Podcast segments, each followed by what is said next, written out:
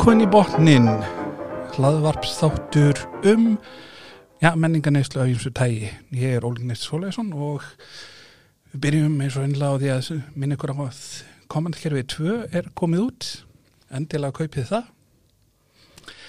Það er líka síðan spilið hver myndi er komið úr endurprentun þannig að ég geti keft það núna, það hefur verið svona lítið til af því búðum undanfarið. Og síðan ef þið viljið styrkja þáttinn þá getið það frá áskrift.botnin.is síðan er vefur þáttanins bara botnin.is En hér er kon til mín Rakel Ósk Þorgersdóttir og við ætlum að spjalla um þáttinn Rick and Morty. Velkomin. Takk fyrir. Jæja, um, ég hóaði þig af því að þú ert stopnaðir þú hópin á Facebook eða ertu bara Nei. stjórnandi? og vinkona mín gerði það. Já. Hún stopnaði líka stjórnmannaspallið Já. og uh, hún áði til að búa til mjög skemmtilega hópa sem að síðan bara breytast í sjálfstæðar einingar og ég er eiginlega svona sjálfskeipaður formaður Rick og Morty á Íslandi. Um, ég hérna döinaði klubbin hérna í 2014 minni mig, þá flutti ég heim frá Danmarku og mér fannst þetta bara svo æðislega þættir og ég get ekki hægt að horfa á það og svo ég byrjaði bara að taka yfir hópin. Já, ég tók eftir því. það, það, er það er tekið eftir þér þannig að ég, Já, maður þarf að hafa þetta, maður þarf að halda svona fólki áhuga sömu og reyna að posta hlutum og á meðan maður er svona að býða í smá, smá stund eftir. já, maður þarf að býða svolítið, þeir láta býða eftir sér. Býðin er alveg að Já. vera búið núna. Það er svona eftir, það er bara næstu dögum sem að þarna, Já, þetta tvær fyrir fyrir nú. Nei, það, það er bara sunnudaginn kemur, verðt ekki með þetta. Vei, Já, núna er áttundi nóvambur sko. Já, já, auðvitað, já, já, já, auðvitað, já, einmitt, Þetta eru töfrar. töfraður, já, alveg rétt. Já, við erum hérna. Já, en um, hversuna fórst að horfa á Rikkin Morty til að byrja með? Ég er bara rosalega lítið í að horfa á leikið efni. Ég, mér finnst það svo, já, mér finnst það bara kvikmyndir í dag alveg bara hundleðilar. Um, allt og mikið CGI og mikið, allt og mikið aksjón og mér finnst einhvern veginn meira svona innihald í teiknumyndum í dag heldur en leiknu efni. Um, þá á eftir að, já, eftir að fá mikið heit eftir þetta. Já, já. En ég, hérna, og ég bara kynntist þeim því að það, þetta er adult swim og adult swim er fyndið, sko, og, og maður fylgist mikið með því.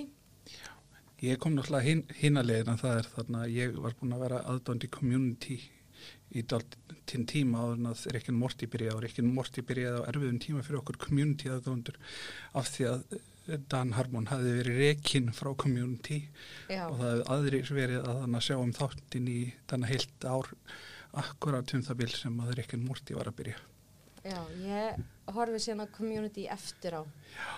og hvernig fannst þið það? Það er fyndið, sko, Já. ég fíla það.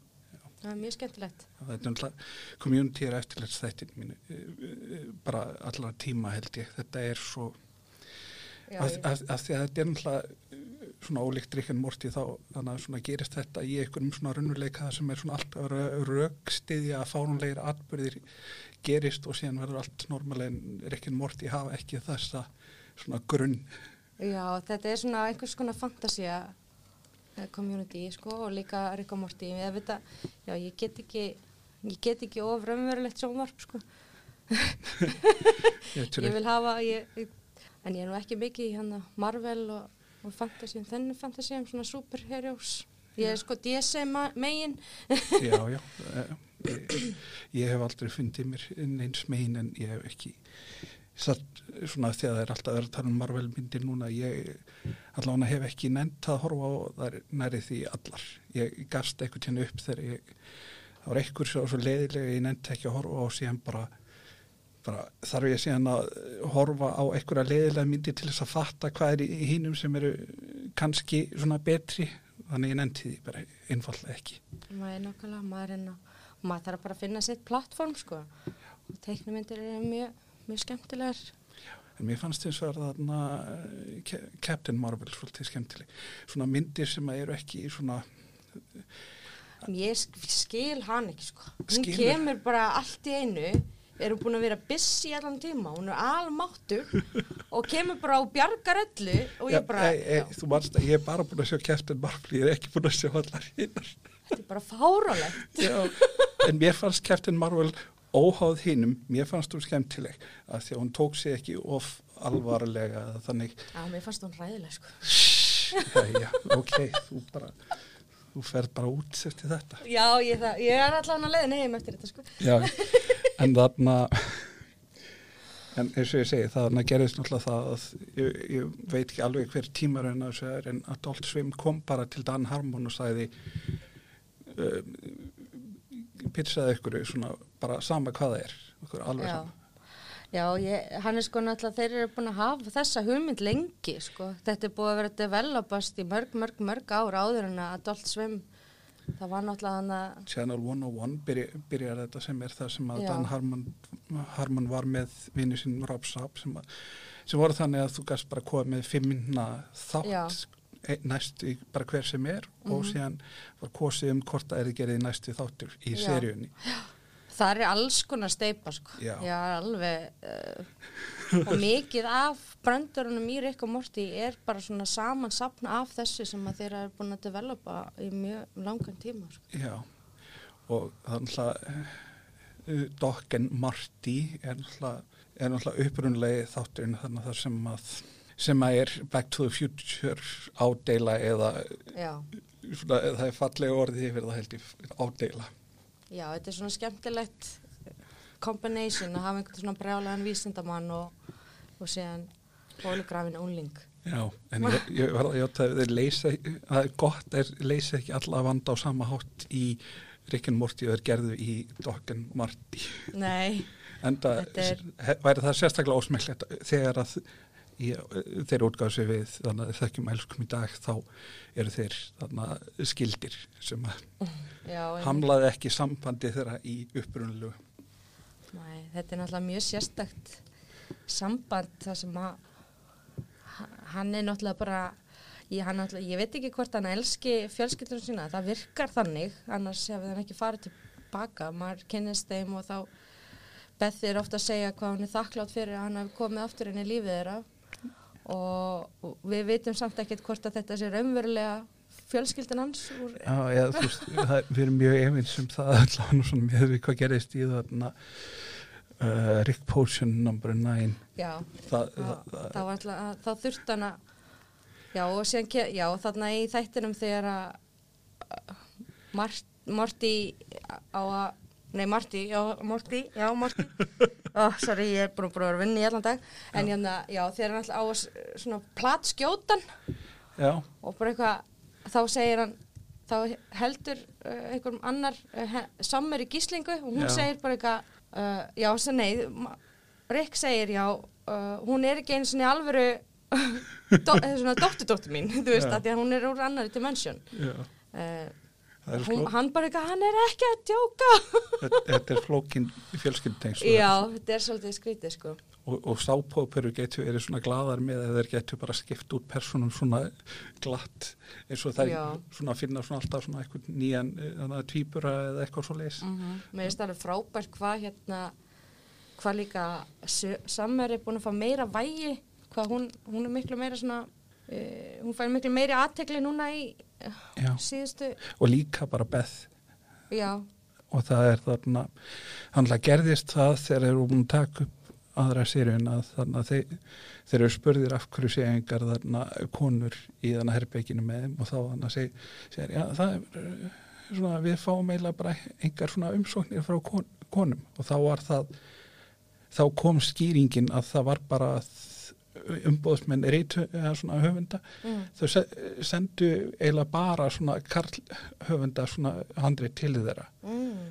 það var, ekki, það var bara því að umbóðsmennir gerður ráð fyrir að veri öðuldra að koma að hana karlhöfundum til þeirra já, ég skil og þannig að þegar þeir sögðu þetta þá voru bara svona Já, fengur, miklu fleiri umsóknir. já þá þannig að uh, svona fór af stað svona ferli þar sem allt í einu og þá er náttúrulega ég kannast mest, mest við uh, hana Jessica Gao sem að var með podcast með Dan sem heitir Whiting Wongs Já, Það ég verð reyndar að viðkjanna að ég hlusta rosalega lítið á podcast, svo það er mikill heiður að að vera bóðin í podcast, það er kannski er þetta byrjunin að ég muni hlusta meira. Já, það er sko þannig að talandi um podcast þannig að Whiting Wongs er, er bara Jessica Gao og Dan Harmon að rífast til að þau voru að rífast eftir að þarna í þarna Pickle Rick þá þarna var skipt út. Hún þarna skrifaði þetta og það var þarna sálfræðingurinn í þættinum eða Susan Sarandon. Já, að það var þannig að hún var skrifuð sem svona kynverskur karakter. Og síðan fenguði svona Susan Sarandon væri aðdáðandi og vildi vera með. Og þá þannig að tekur Dan Harmon bara já, við skulum bara drífa okkur í því. Og Jessica sem að skrifaði svona eða heldur svona þannig að þetta er samvinna öll þessi handrið en hún, hún var svona aðal yfir þessum þætti. Hún var sár yfir því að það væri búið að taka þarna út þennan kínverska karakter. Mm. og þau fóru svona að rífast og það endaði í þessu podcasti þannig að Whiting Wongs. Waiting ones is easy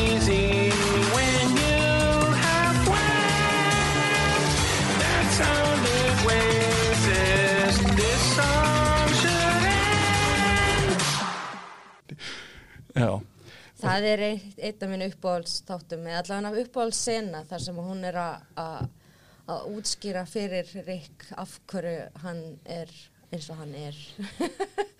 Og hún þarna er bara búin að hlusta fjölskyldun hans í smá stund en getur samt bara nefnt uh, alla hans karakterekti eða veist, já, hans eiginleika eða galla eða kosti eða maður maður á að segja þannig að ég mæli með Whiting Wongs ef þú ætlar að fara að hlusta podcast en þannig að sko annað, eh, Ég það, hlusta bara hljóðbækur til ég fyrir að sofa og svona, ég, hérna, já, ég er svo gamaldags, ég bý bara til lista með penna en þá og þú, bí, þú hlustar á hljóðbækur og kallar þig gamaldags.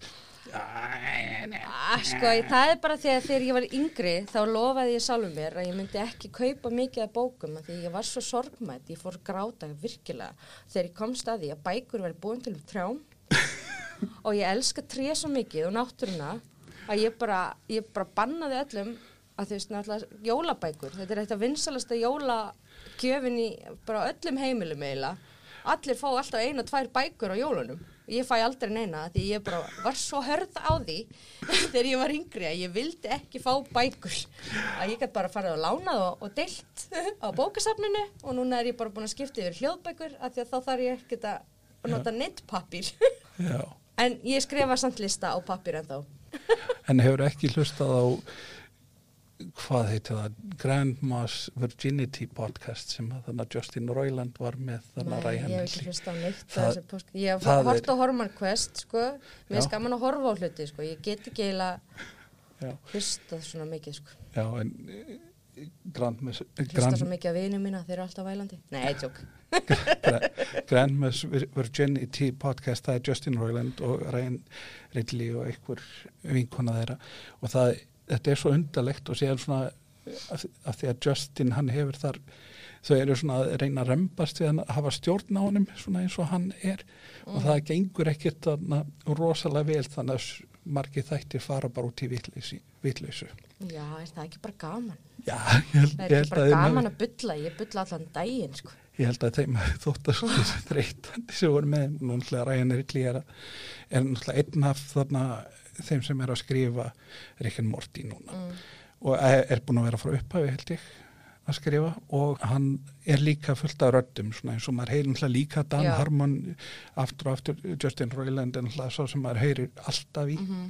en þú kannast náttúrulega við það að hann, hann, var, hann var búin að vera á fullu í teiknumindabransanum þannig árin áður og uh, það sem er til dæmis Gravity Falls þar sem hann kemur svona já, það er náttúrulega mikil tenging þar á milli. Maður sér hluti koma úr uh, portal uh, sem að hann, ég man ekki hvað hann að brjálaði vísindabæðurinn í Gravity Falls. Drunkle Stan. Já, já.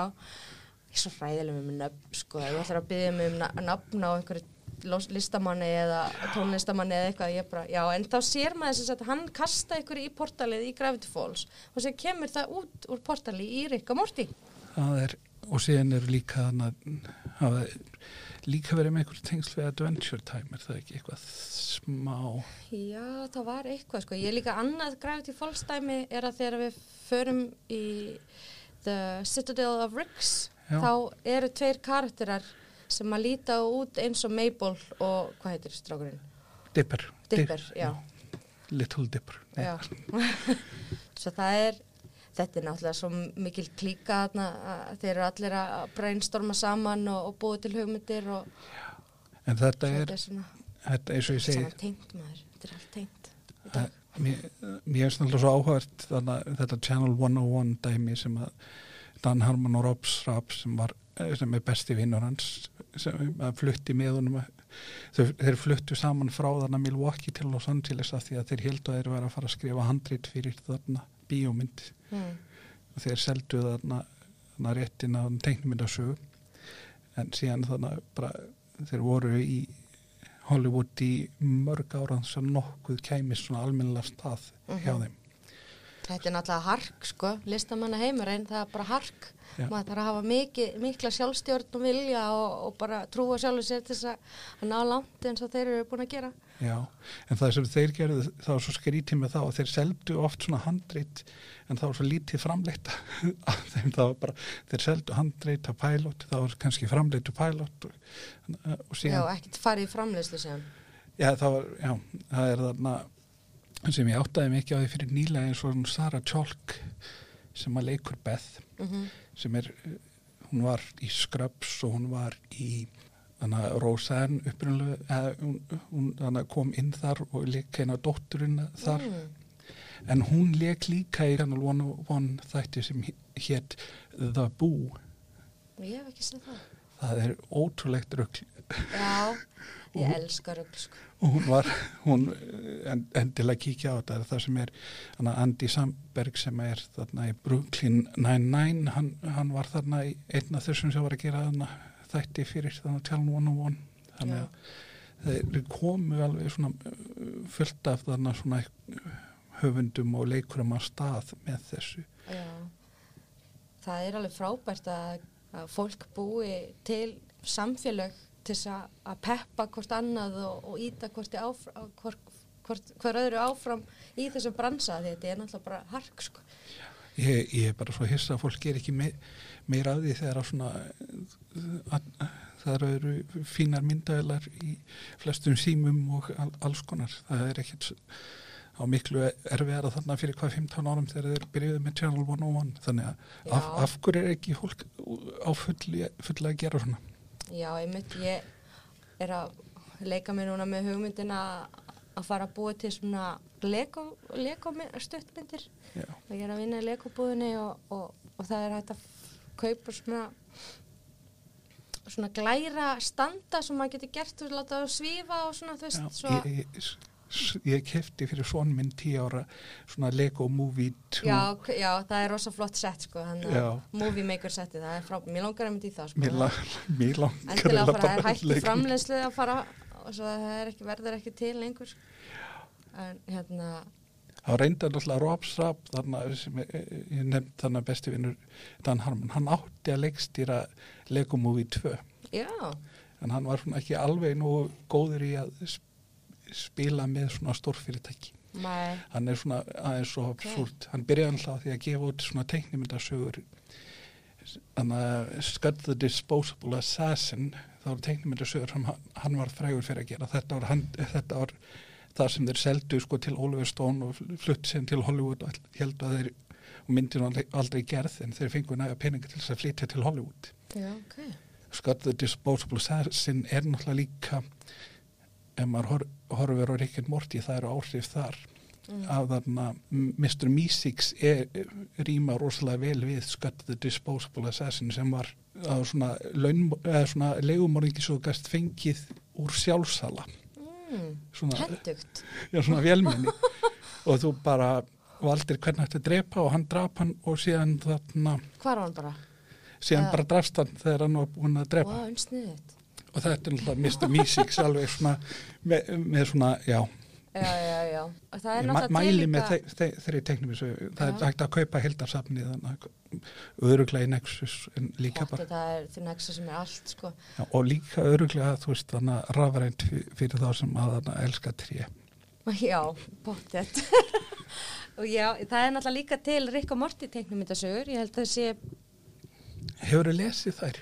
ég keifti mér fyrsta, fyrsta bindi um daginn í Nexus einmitt. Þetta er eitthvað svona sem er allt Gísli, í lagi. Gísli, Einarsson þú ætlar að sponsora þáttinu það ekki en já, halda áfram Hann reyndar er rosa næs. Já, hann, hann er... er- ég fekk loksins uh, spons eh, núna í síðasta pubquizi sem að var núna í lok uh, oktober. já, þú ert þannig með þannig að Rikkin Morti þannig að pappkvæs Já, það þarf náttúrulega, ég er, finnst mjög gaman að gera viðbyrði og pæli marketing og, og, og fá hugmyndir og reyna að framkvæma þær. Það er, maður fær rosa margar hugmyndir en, en þær fara ekki allar í framkvæmt. En pubquizin er eitthvað sem að ég hef gert nokkur sinnum. Síðasta skipti var númer átta. Uh, það Lakar þið ekki til að fá nýja þætti til þess að spila Jú, að þetta er orðið svolítið erfitt, sko, en það er mætingin orðið svolítið eftir því. þannig að þú getur haldið bara í næstu viku Já, ef maður vill fara á létt Rick og Morty pub quiz, þá fer maður á Lebowski. Ef maður vill fá ykkur áskorun, þá kemur maður á Rick og Morty mitt. já, sem eh, er það alltaf á samstað eða Sko, við vorum alltaf með þetta húra, en núna er það búið að drepa þann stað og gummi Ben Bar er komin. Eitt, enn eitt sportsbarinn, yey, elska hópíþróttir, er það ekki? já, en hérna, uh, en núna síðasta skipti þá held ég það á Hressó, það er búið að gera hann upp og gera hann rosalega fínan og það er komin í nýjir eigendur og ný stefna. Ég er bara að vona að það verði jafn flottur tónleika staður eins og húrra var. Það er náttúrulega ekki, ekki jafn stórt dansgólf en þetta, þessi staður býður upp og mikið. Svo endilega bara komið þið á næsta pubquiz, við ætlum örgulega að hafa það fyrir jól aftur. þið fylgist með þið farið bara í hópin á Facebook Ríkardur og Martin og Íslenska, já, íslenska, íslenska hópin og þar fá, fáið þar plöggar þú allt sem allt svoleiðis líka. Þannig að það getur fylgst með og maður þarf að sækja um, hann er ekki opinn af því að ég nenni ekki spammi sko. Nei, það er mikið af svona spambot sem að vilja inn í svona hópa. En hérna, já, endilega bara joinið, það er Ríkara Martin. Íslenskir aðdáðandur En já, mamman, það er Beth sem er, þarna, lendir í tilvestakreppu í þarna í þarna þriðu seríunni. já, þar sem hún heldur hún sé klón Já, svona og getur og það er ekki, ekki sens að vita hvort það sé rétt eða, eða ránt eða hvort það skipti yfir höfu máli. já, einmitt, uh, nákvæmlega maður væri nú alveg til í að klóna sig stundum sko Já, en þú veist, örglega, þú veist, þá er það, ég er nú ekki búin að horfa nýja þáttin Living with Yourself, þarna sem er á Netflix, þar sem að hann klónar sjálfan sig. Ég er ekki með Netflix Ertu ekki með Netflix? Já, það, þá getur þú hlusta á Rick and Morty, en ég veit ekki hvar þú hlustar á þetta, eða horfir á þetta, en þannig á Netflix þá þannig er alltaf, það er búið að bípa út öll þannig blótsyrðin. mm, Ég veit já, ég hérna ég Ég var nú að gæla við þeim mitt í dag hvort maður þyrst ekki að kaupa þarna DVD eða, þarna, eða Blu-ray og fá þarna commentary track. Það væri náttúrulega æðislegt. Það er pottið til í Nexus líka. Gísli. Ég skal tala vel um þig við hann. Já, ég er ég hef verið sko fasta gestur í Nexus frá því áður en að það hét Nexus. Já, hét þarna Fápnir. Já, síðan. Ég er úr ég veit, Ertu í borgarnis? já, ég veit ekkert um svona staði og hvað þeir eru búin að lifa lengi en í Reykjavík, sko. Þá flutti ég til Danmarkur og var þar í tíu ár og núna er ég búin að vera á Íslandi aftur í fimm ár. Hversu oft heldur að maður þurfa að segja Nexus í þætti til þess að gísliði myndi sponsa þig? Já, þú veist, ef maður segir hann oft þá bara byrtist hann hérna.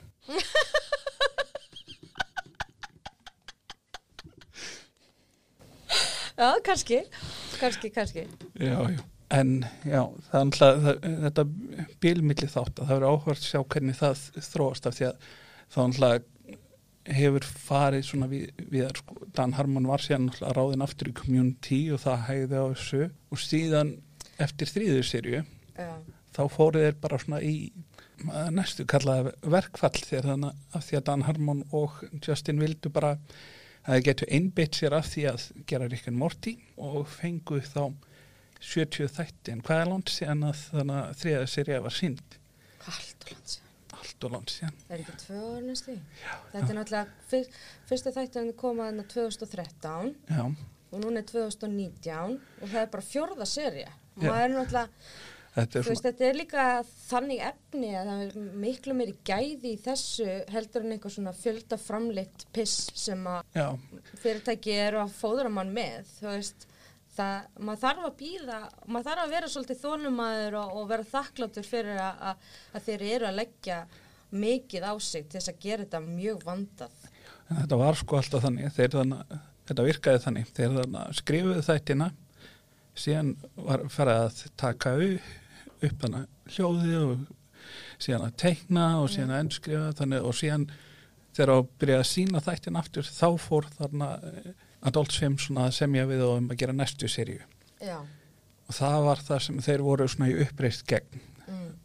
það er þarna sko Dan Við fáum 79 þætti á hvað mörg 10. november, þá fáum við 5 í einu. já, Þeir eru búin að um, gefa okkur smá klipp sem að við vitum ekkert hvort það sé alvöru klipp já ég, úr þáttunum. ég er hlómulir, ég get ekki hort á svona eit- eitthvað svona eh, Allt er, hefur ekki verið úr veist, komandi þáttum. Já. Allt próma hefur verið bara sjálfstætt já, og síðan þættirnir hafa bara verið, veist, eins og líka hana í, í, í trey, eða svona intrónu, þá sér maður alls konar scenarios sem við höfum aldrei séð. já, Þú veist, það er bara tíðkast ekki, það er alltaf eitthvað svona klippur úr þáttunum, Já. en þetta er bara, þeir eru svona með svona metahúmor, sko, að gera En hvernig virkar meta, svona methómunum, þú ert tölvört yngri en ég, þannig að svona, smá, nær, nærðu, smá, ég, ég er bara smábát, sko. já, já. Ég, ég, 33 ára smábát, sko. já, ég er færtugur kall. Nú sé ég segja, já, leikararnir í þáttunum, það er Justin Roiland, síðan er hann Spencer Grammer sem að mér finnst alltaf vo- voðalega merkilegt að hún er dóttir þarna Kelsey Grammer sem Já. að leik Frasier og fyrsta hlutverki hennar þarna Spencer var vist í þarna Cheers, staupasteini Mm. þar sem hún var leik barn, barn, já, já. bara pínu lítil ég veit ekki hvort hún. Ég man eftir stöpastein. það, Já, ég er nú ekki það mikið yngri en þú. já en ég, ég þar- að hann að taka eftir í hvar, hvar hún er sko þegar maður horfir á það næst Það var líka alltaf í svona endursýningu stanslust í Danmörku og ég var Ah. í smá stund svona smá atverulegs hana uh, og þá var það er svona mikið af daytime TV, miklu betri úrval heldur en hérna heima, það er miklu betra að vera atverulegs í Danmörku, miklu betra viður og maður getur bara farið út að hjóla og það er aldrei neitt rók og kíkt í Kristjaníu og haft bara gaman sko. Já. af því að ég kalla þetta líka staupa sinn, já, erfitt með að kalla þetta cheers, Cheers, af því að þetta er svona nær akkurat svona mörkin þar sem að svona, þú veist, já, þú veist, það lítil, lítil þegar þetta byrjaði að þetta bara, að þetta hefur náðu að festast í mér. Já, en þarna, það er náttúrulega svo indislegt að vera á einhver stað þar sem allir vita hvað þú heitir. eins og þannig frends þar sem að, þú veist, ég geta bara mætt, þú veist, á þarna á, á þarna kaffihúsi og þar eru allir þar eru allir vi, vinnir þeirra bara stattir og svona bara, wow, það er eilegt og alltaf, næstu ég alltaf uh, laus sófin Þau eru með reserved. já, Ég komst að því. Já. Það er svona lítið merki, það stendur reserved. Já. Þau eru bara með það alltaf reserved, annars myndi þetta ekki make a sense. já þetta er ekkert rosalega góð business þannig í hérna New. York að vera með þarna. Kannski bara á einhverju tímabilum eða þú veist tímapunkti á daginum þá var það eftir við sért, þannig að eru að vinna flest skilur, já, svona, uh, þau eru svona mörgunum að vera svona í Homer Simpson vinnu þar sem að ef það kemur málinu við þá er þið vinnu annars þá er það já, bara hunsað. Já, og síðan er hann þarna núna dottið úr mér það er frábært að Chris Parnell. Já, Chris Barnett, hann er náttúrulega bara frábær. Hann er alltaf líka eins og í Archer og í fullt af staffi já,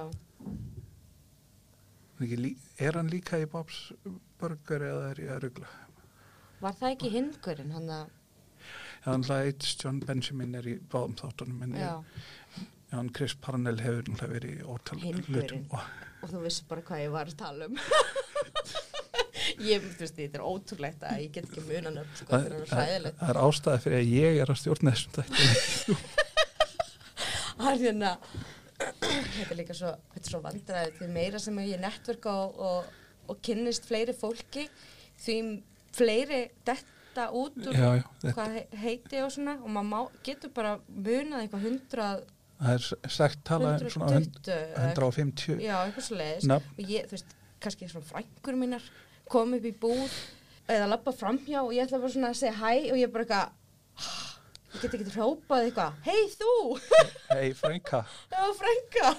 já, Já, þetta er vandræðilegt sko. já, já, það er svona ef þú hefur hæfileika til þess að muna fleiri nöfn en þetta og svona halda þeim í hausnum að þeir þá ertu svona koðan út í það að geta verið pólitíkus. Já, ég, líka vera bara koðan með svona facial recognition í svona eitthvað Google, Google Glass dæmi já, það verið geggjað. Það er- Ó, mér langar svo að vera cyborg sko. já, svona Seven of Nine, hún er uppáhaldskarakter minn í, í, í hennar, í Star Trek. já, í Voyager Já, hún verður líka í þann Picard þáttan með það það.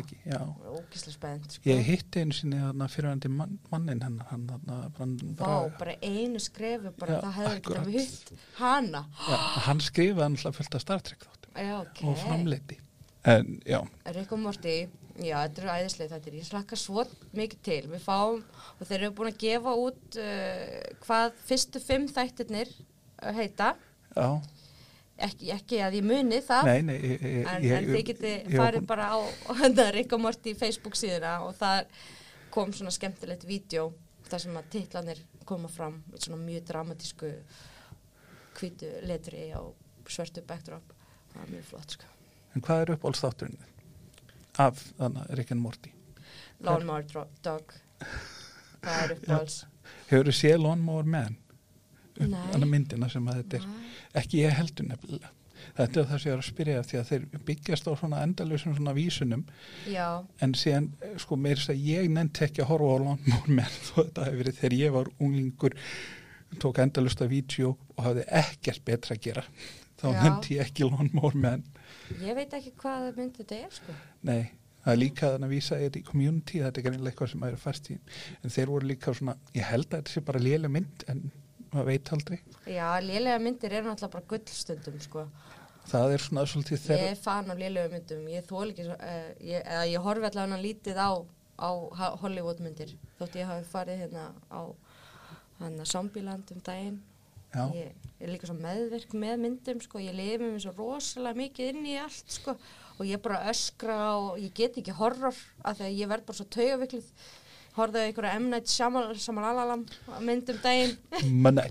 Ég- þetta er skröps Já, brandari M.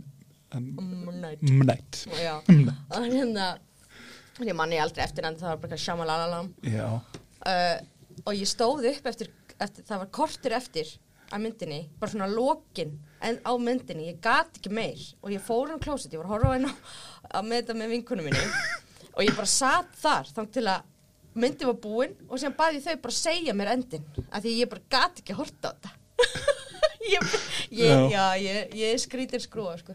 já þú getur verið svona heppin og kona mín þegar við varum um að fara eignast eldri svona okkar þá var það þannig að við endum með að fara sko, þú veist, að horfa á svona myndir um svona það þar sem að voru svona barsfæðingar og það voru svona þrjár í röð þar sem voru ykkur að ræðilega og það sem var, sko ég fekk hana með mér á Star Trek þarna uh, fyrstu af þessum nýju myndum sem Já. ég var ekkert rosalega hrifina en Mér finnst það þetta fínar sko.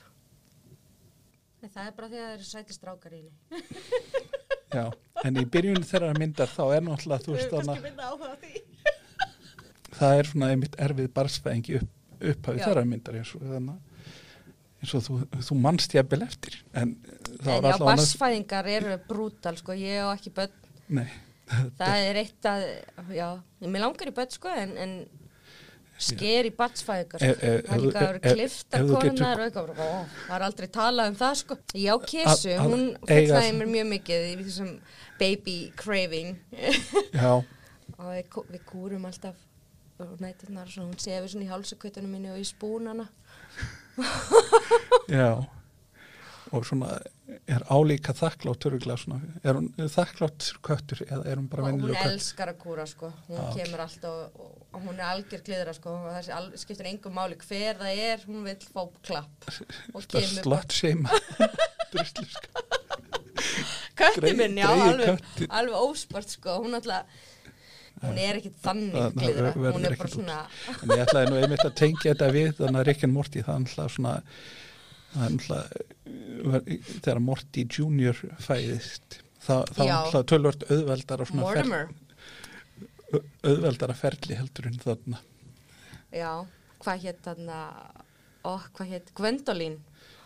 Þannig að robotinn sannski hann er Gwendolyn. Gasorpasorp Jökka Sorbasorb Gasorpasorp Field Já, þannig að Gar, þarna- Garfield þarna í Gasorpasorp í, Interdimensional Cable. Þetta er það er mjög fyndið sko. Hann hattar bara alla daga, var það ekki eitthvað sliðis? Nei, ekki bara manda og já, drullaði svo innilega yfir uh, þannig John og svona þannig eiganda sinn uh, sem Mm. jafnvel meira en hann gerir í þannig að teiknumöndusögun Hefur þið séð að- þess að þetta búið að edita út já, Garfield. Já, þannig það Já, Garfield without Garfield. Já. það er hilarious. Það er miklu það er miklu fyndnara sko. Já. ef þið hafi ekki, ekki tekið, t- séð það þá bara endilega kúklið sko. Það er endalist content. Það er þannig, já, það er Garfield er orðin svolítið þreytur þetta er hann svona jafnvel eldri en ég. Já, ég held að hann sé árinu eldri en ég ok, gamli. Já, þú veist hann þú, þú veist hann er Hvernig fannst þið bíómyndunar? Það er nei, ég horfði ekki á þér gat það ekki. Gat það ekki. Það er, alveg- ekki, ekki, það er eitthvað franchise sem ég skildi sko. ekki einu sem með Bill Murray sko. Get, Bill Murray, Murrayin er samt flottur sko. Já, uppáhalds þátt uh, í síðast serið þá var uppáhalds þátturinn minn hvað heitir það? Að það, hei, að, það er kallað þetta Tales from the Citadel Já. í þannig þáttunum en það heitir eitthvað Erik Landis eitthvað en það, það er úalega gaman af þessum þáttum þar sem er í að svona í stærri baksögu í heiminum mm Mér langar að sjá hvað það gerðist á þessu Atlantis-æventýri sko. það eru freka vilja sjá það heldur um kostningarnar í þannig að það Ég sitja vil bara sjá allt saman Já. Ég vil bara sjá allt sem að að Justin og, og, Dan vilja gefa okkur sko. Ég hlakka svolítið til að fara að lesa hérna, myndasögurnar af því að það er náttúrulega ekki sömu Rick og Morty sem að við sjáum í þáttunum. Það eru Ah. úr öð, annari dimension. Svo að Já. þeir eru náttúrulega Rick og Morty en ekki þeir sömu. Svo þeir eru allt aðra sögu. Svo að það er mjög spennandi. Og það var líka verið að Já, já, ég vissi það ekki. Maður það er eitthvað sko það er eitthvað nýju bækur eða eitthvað svolítið komnar út. Já. og sem var að sá ég í Nexus um daginn. Hei, gísli, ég, ég, Nexus. ég, ég einmitt þar sem þú færð bestu myndasögur á Íslandi. Ég fór einmitt þarna í Ne- Nexus, ég held að það hefur bara um daginn og ég kefti þarna Rick and Morty teiknum svo henda 13 ára frænda mínum. Já. Það, já, og síðan var ég að sjá eitthvað svona bók. Það var book one. Já, og það hefði ég ekki séð áður. Ég veit ekki hvort þetta sé, þú veist, myndasögurnar er það þá ekki búið að vera samna saman þarna? Ég veit það ekki hvort þetta sé það eða bara aðrir rikkar og Mortier, skilur já. En, en þetta er, það er náttúrulega hægt að fá alls konar líkla kipur og, já, og og töskur og pennaveski þar sem þú getur sett pinsel sok, vestar í sokka og Alls ég er, í, sko. er ekki mort í sokkunum mínum ég er meira þess að í ósamstæðum par ó, hvort er ekki mort það er geggja. Já, líka Rikko Marti Soka Já, Rikko Marti Ból talandi um svona undarlega hluti það er þarna gínufóturinn sem það kemur eitthvað tíðan í kemur ekki eitthvað smá svona klippa þar sem eitthvað var með gínufót líka í Rick and Morty en það var sko í community en það var eitthvað smá klipp í Rick and það var Dan Harmon Já. Já, það er oft svona einhver svona footfetish uh, Já, referensar það Ætli að hann sé með footfetish Mér finnst það mjög uh, fascinating uh, fetish. Já, þá ættir að hlusta á Harman Tann sem hann fer ve- vel og vant ég þarf að fara- fút, að því að hann er svona eiginlega með svona eitthvað Jessica svona Sweet so, No, I mean telepathy já, hann er með sokkabuxuna eitthvað. Já, og hann, hann re, útskýrið það þannig að hann hefði hann eitthvað tíðan þegar hann var þarna akkurat þegar hann var að svona, eins og ég talaði um þetta eh, orð þarna kolpaviti þá hafa hann svona verið eitthvað að dunda sér undir þarna borðinu þegar það voru svona einhverjar vinkunum mamma hans í heimsó ok. Og það er sprottið þannig. hann að, að því að, af því að hann, þú veist, er búin að taka, taka upp 350 þætti þar sem hann er bara svona að tala og að tala um sjálfan sig og segja svona sögur þá hann Já. veit maður þessa undarlegu hlutum en það Já, sé, það er líka flott hjá hann um að vera svona gagsær já, Mér finnst það bara mjög aðdáðanavert og það er líka sérst bara hvað hva, hva hann er uh, kreatífskur og nær að í þáttunum að fara inn á bara mjög djúpar sálar krísur sem að fólk upplifur, allir upplifur eitthvað og get- tengt við eitthvað af þessum atriðum og þessum krísum sem að Rikku Morti gangi gegnum.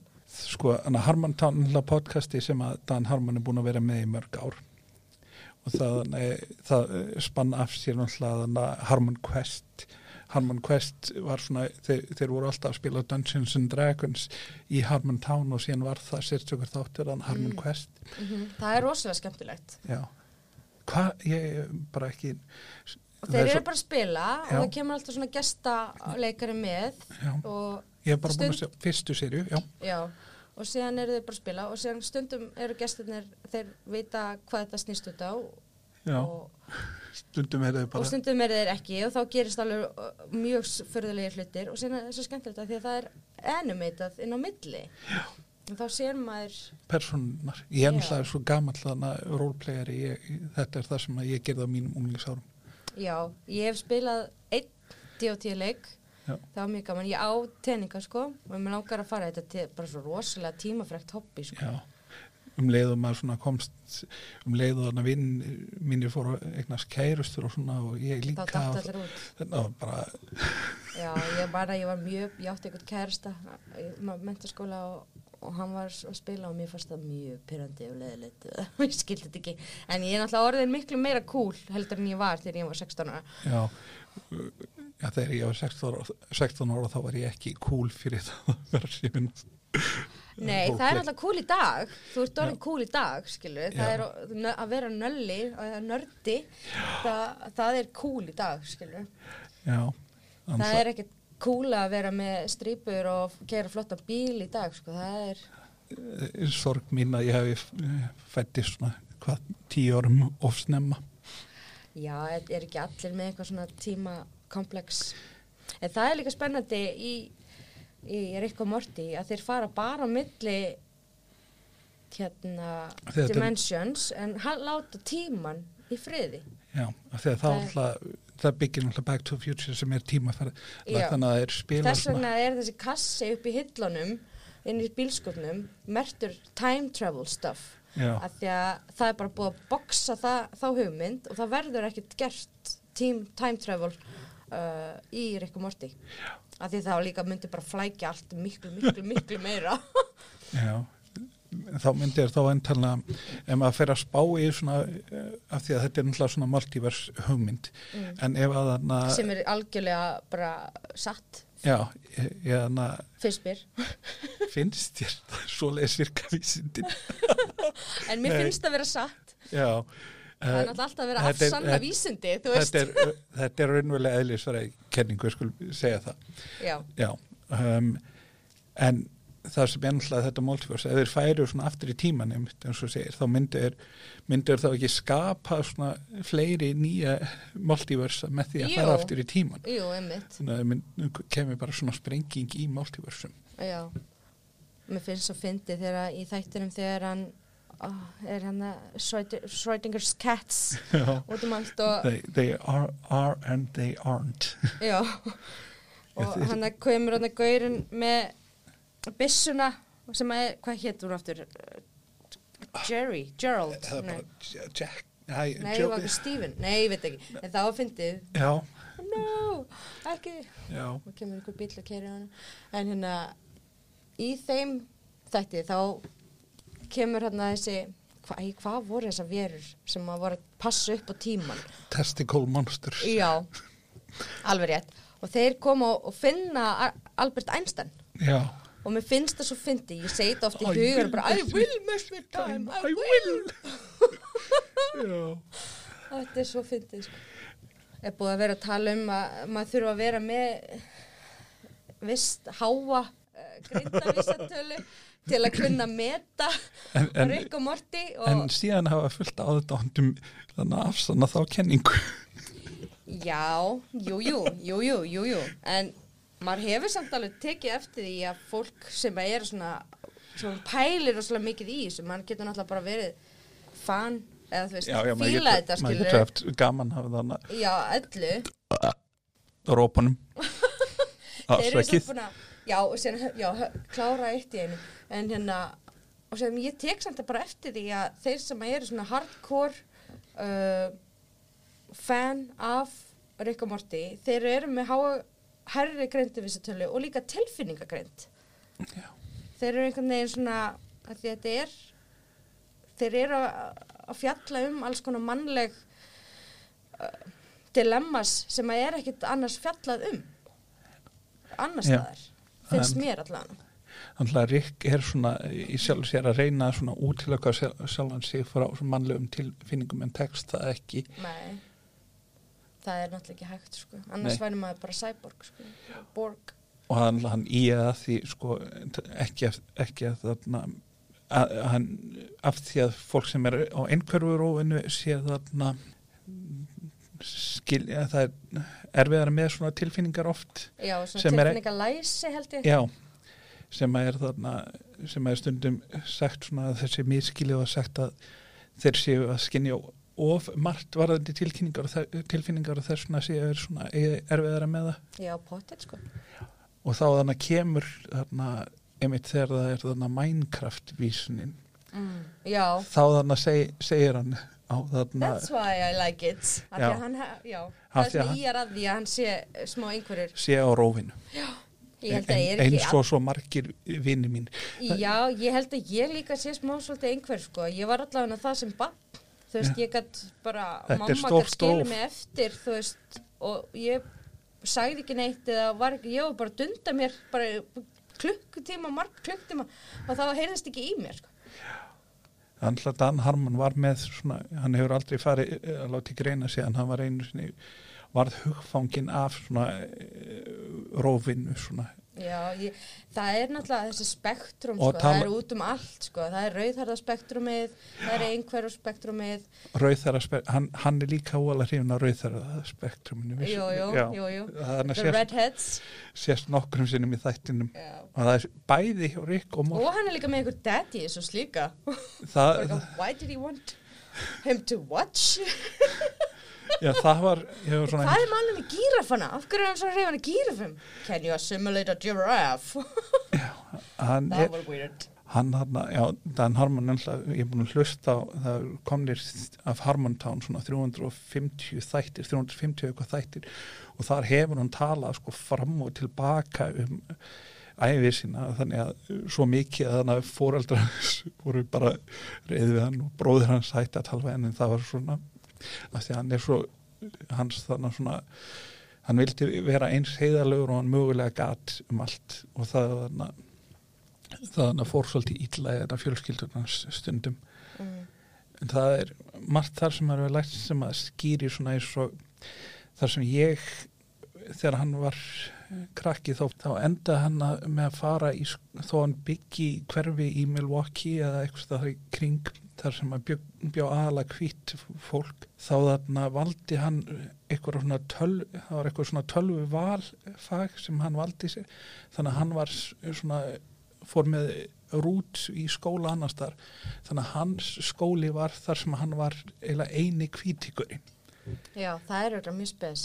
Og það svona útskýri það að sko ef maður hlustar á Harmontown þá er hann oft með svona, svona improvisa rap Mm. og það var bara eitthvað svo gert í skólanum og hann fór bara inn í það þannig að hans þarna sem að hann hefði aldrei svona gert ef hann hefði ekki verið í þarna þessum þarna eh, skóla þessum í Já. svörtu hverfi þannig að Já, fjölbreyti líka er líka bara rosalega um, mikilvægur.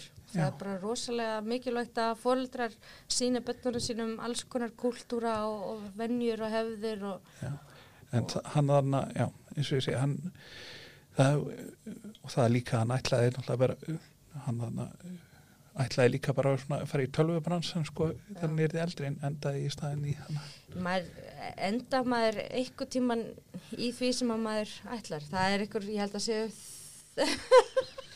ég held að það séu alveg bara mjög fá prósenda af fólki sem að ég þekki allavega er að vinna við það sem að það lærði. Þú veist, nema það séu læknar, þú veist, eða sálf, eða veist, Já, ég er náttúrulega nýhættur að vinna við það sem ég lærði, já, eða eitt af því sem ég lærði, ég er með fjórar háskólgráð, sko, vá, bara næstu eins og Björn Freðarsson.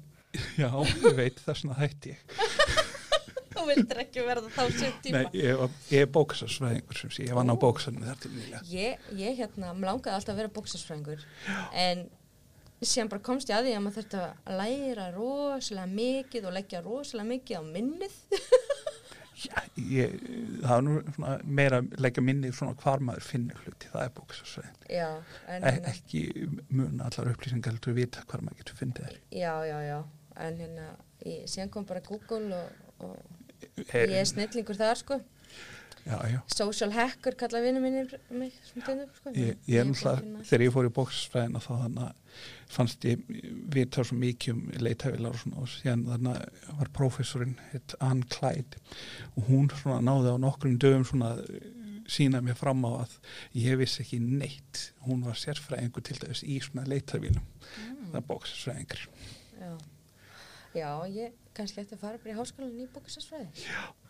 er það ekki líka, það er þannig á milli annarar og þriðu sérjun og það breytist þannig spjaldi í lok þáttana þar sem er svona hverju framlega þáttin Já, að þannig að hans framlýslu fyrirtæki það var sko alltaf svona happy hann Minn- og kona. Já, og sem verður það alltaf svona le leiðar og leiðarleira Já, hann- hann og sem liggur hann bara svona einn eitthvað flæðandi hann var og með hundin sín jú, hundur var með sko en hann, hann, hann á, á þarna kærustu núna og sem er búin að byggja hann um að gifta sér og svona. Já, þau eru svo krútlega ég, ég er með sko hann á Instagram. Já, fæ ég alltaf notification þegar hann postar eitthvað þegar hann er að að æfa sig á, það var líka þannig hann að þessa Instagram æfingar þar sem hann þarna þar sem hann fekk, það er bara eitthvað gaur sem að var þarna í Harmontown bara gestur mm, sem að var þarna sem er ofta hjálpunum svona sem er hál, hálgeru enga þjálfarinnars já, hvað heitir hann? Heitir hann að ég manna það ekki. En það er hann allavega er frábær gaur samt. Þáttu við munum ekki hvað hann heitir Jöp. hann er jöpp, gaurinn Ég er búin að vera að reyna að fá hérna Jepsi Pepsi tilbaka og síðan kom kona, ég veit ekki, ég er búin að vera að segja þetta síðan nokkra vikur núna og síðan kom kona upp í búð og hún segir hún Jepsi og ég bara eitthvað, what? Hvað er gerast? Það, þú veist, og þá, hún sagði bara Jepsi og ég bara ekki, sagði þér í alvörni Jepsi? og ég drekki ekki einu sinni Pepsi sko, en mér finnst það ógslag að fyndi. og ekki sponsorað af Pepsi Nei, alls Nei. ekki, alls ekki. Ég, drek, ég drekk kók ef ég drekk kóla og drikki. Já, en þannig að, já, Harmontown er nefnilega að fara að hætta, þetta podcast er að fara að hætta núna í desember. Já, ok. Þess vegna verður ég svona, en það kom bara nýlega fram, þar sem hann er, og ef þú hlustar á Rick and Morty, þá færður líka, ég það er í Citadel of Rick, þá er þarna einn, sá sem er svona aðal félagans í, í þarna Harmontown, Jeff B. Davis, að hann þarna er röddinn hjá Simple Rick, þar sem að er verið að útskýra þarna Simple Rick, þarna, The waivers. já, Það er keksið, flott. já, er Hann er alltaf að geta það. Það kemur fram mjög oft. já. Simple Rigs. Mér finnst líka hann að, ef við erum að tala svona gesta, þá er Werner Herzog. Hann er, uh, hann að, þegar að Jerry ætlar að dón, dónita tippið á sig. það var bara eitthvað, er hann að kemur með einhverja ræði hvað tippi eru tákgræn Það er í mannlegum. líka þarna Já, manneskinu, mér finnst það alveg frábært. vísun í þarna Harmontown þar þar sem að er þarna look at me, I have such and such eitthvað, Já. og það er þarna lag sem þeir So and so long and so and so big. En þeir þarna sunga þarna lag, þarna að Jeff Davis söng lag í þarna Harmontown sem hér Pringle Stick Mm. Some people call me Pringles Dick, but I never really found out why. I don't really have a Pringles dick, I just keep my dick inside. I keep my dick inside a Pringles can because it keeps my penis safe and dry. Some people call me Pringles Dick, but I never really found out. No, I never found out. I never really found out why. If you know, sing along. Some people call me Pringles Dick, but never found out why. I don't really have a Pringles dick, I just keep my dick inside. I keep my dick inside a Pringles can because it keeps my penis safe and dry. Some people call me Pringles dick, but I never really found out. I never really found out why. og það er alltaf heimildamind síðan líka um Harmontown sem er hægt að horfa Já, hérna. Já, hann er með eitthvað svona fascinations á Já. fó- fótum og en þannig að sástu þannig um, tippum. umdelda Channel 101 þannig að þáttin sem að kom upp núna var ekki bara fyrir á þessu ári og það var mjög mjög umdelt og hann hætti á Twitter hann Dan Harmon í kjölfarið.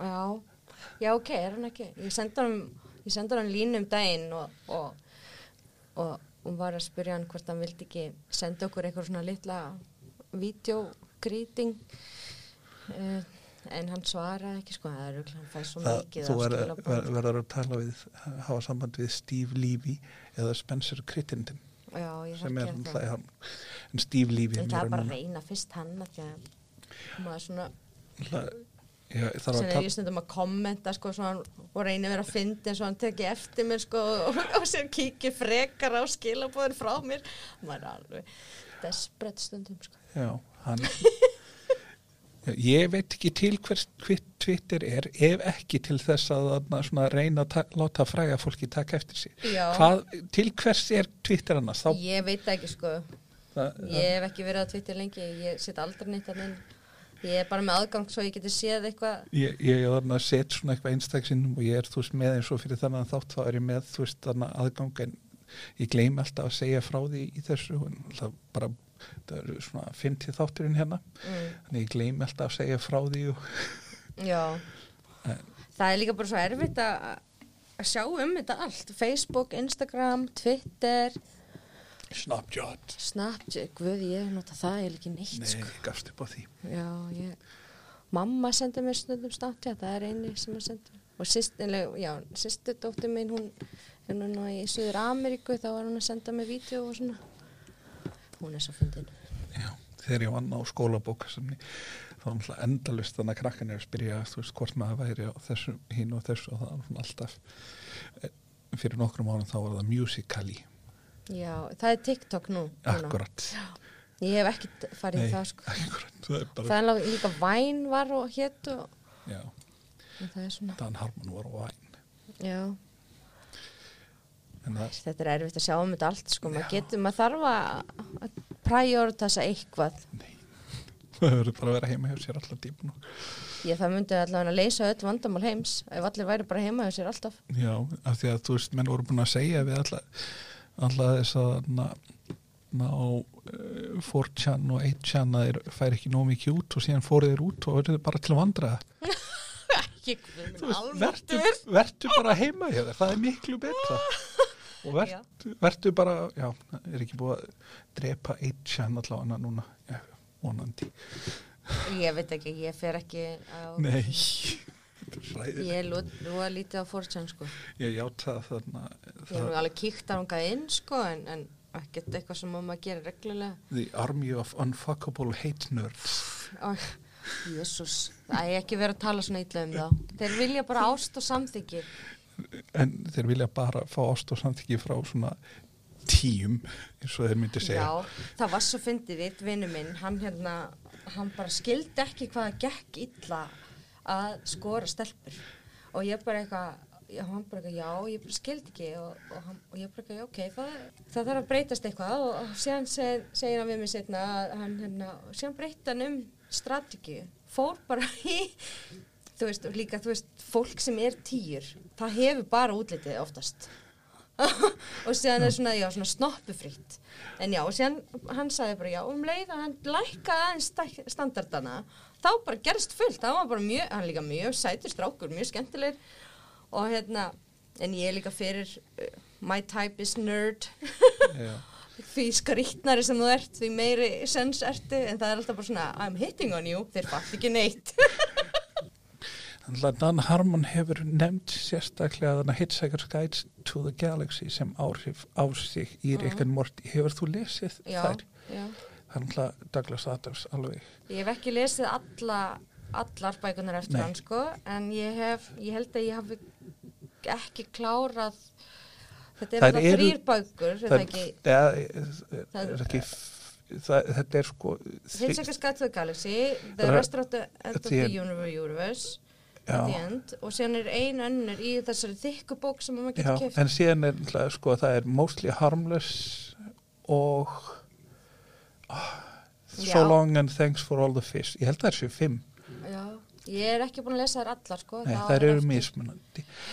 En sérðu eitthvað úr þarna, sérðu eitthvað úr þarna, Hitchhiker's Guide í þarna Rick and Morty? Það er náttúrulega þessi bull uh, dialog sko sem að einkennir þú veist og svona að hugsa öðru í sig um hlutina. Einhvern veginn sem að ég sé líka í Rick og Morty. Þetta er svona ekki bulls eða þú veist bara svona öðru í sig hugsunagangur að því að Douglas Adams er náttúrulega bara snillingur að koma frá sér uh, kenningunum sínum um lífið. Og hann var á sama tíma þarna, já, svona eins og Dan átti hann svona stundum við rítstýplu og vandamála stríða. Já, ég meina það er bara einkennir bara all, alla listum hann sko. Það var þannig að sagan af því þegar þeir skrifuðu fyrsta þáttunan af Rick and Morty þá hann ætluðu þá voru þeir búin að skrifa eitthvað og ætluðu síðan bara hætta og þá segðu bara hey, við skulum bara sitja hérna og klára þetta því annars þá gerum við það ekki. Og þannig að Mhm. þeir kláruðu þú við að sitja í sex klukkutíma og skrifuðu fyrsta handrit sem náttúrulega breytist tölvert þarna í milli tíni Jú, jú, það er náttúrulega en Dan. Harmon er náttúrulega frægur fyrir að erfiður í community þar sem að hann var þú veist bara að senda nýður síður af þannig handrit í þannig daginn sem hann var að taka upp Já, pældi því Já. Flottir leikar að geta muna það síðan allt Já, það var náttúrulega, já, sem gerði það ekki. Það var náttúrulega sem lása ekki eins og handreitin þegar það koma á réttum tíma. Chevy Chase, sem sé, Svaka karakter sko já, Chevy Chase, hann, Fyrst hann creepy það, er svona, Ég hef aldrei fílað þessar myndir heldur sem Já. allir elska. Þetta er náttúrulega bara svona, ros, það er bara sumt sem að hættir að vera fyndið, Já, sem að nær svona að spila inn í þannig tíma, en síðan svona bara hefur enga svona langtíma snertingu við þannig fólk. Það er þannig að það er sumt þannig að allan Chevy Chase sem er svo leis ég, eins og ég segi, ég var rosalega hrifin á henni þegar ég var krakki og þú veist, þegar maður byrjaði að horfa á commun- community þá var hann svo eini sveit ekki en það var alltaf fullt að þarna community leikurum komið í þarna eða dáltíðaðin komið í Rick and Morty. Allavega hann hann hann John Oliver sem er náttúrulega með Last Week Tonight. Hann var hann hann kemur sem ke, hann kemur sem hann uh, vísindamæður í, í Anatomy Park. Já, já, já. Og síðan hann er Það er nú fyndin þáttur. Já, þegar þessi heimilisleysi já, jólakall er blásin upp og flýtur yfir jörðinni. What is happening in the Midwest? Alltaf þessi penisar út um allt. Já þannig að sko Dan Harman er þú veist, hann hefur svona þegar hann er fullur þá hefur hann alveg farið úr öllum fötunum í Harman Town í alvöru. já, en hann var líka svona í improvi Það þann- er líka bara ógst að næs að vera nakin. þegar, þegar hann var en hann tala líka rosalega oft um hvað hann tippið hans sé lítið svona stærðin skiptir ekki máli strákar. hann, hann, það er konalingus sem að skipta máli. en allavega þá er, er það, Ég það þannig að hann sko, þeir voru saman í improvi hann og Rob Strapp og þá var það svona að þeir, það var bara svona stemmingin að stundum þá bara fóru þeir úr öllum fötunum Það er ógslega kósi. Ég ef ég býti hlaðvarp, þá ætla ég að taka þau upp uh, nakin með vinkonum minni. Pottjætt, sko. En, þú, en þið lakkar vantilega mikið til núna á sunnudaginn, er það ekki á sunnudaginn? Get ekki beðið þangað til að líf mitt getur haldið áfram. Ég hlakka Það líka heldur áfram þannig að 10. november. En ná- eða náttúrulega 11. að þetta kemur náttúrulega ekki, jú, þetta kemur á Netflix strax bara á sama tíma. Þetta er Já. frumsynd uh, Það verður alveg áhugavert að sjá hvernig það kemur Já, þetta er svo random svona, maður veit aldrei ég mun vaka bara alla nóttina og býða eftir þessu, sko. Ég er of gamall fyrir svo leiðis þú veist gamall og á börn það er, Já, Ég ég er ung og að já. kisa. Hún er samt alveg uh, pyrruð yfir mér ef ég kem ekki að kúra á réttum tíma, sko. já, þá kemur hún svona og er með all, alls konar sínistæla og eitthvað, já, ótrúlega þessi köttur sko, hún elskar að kúra.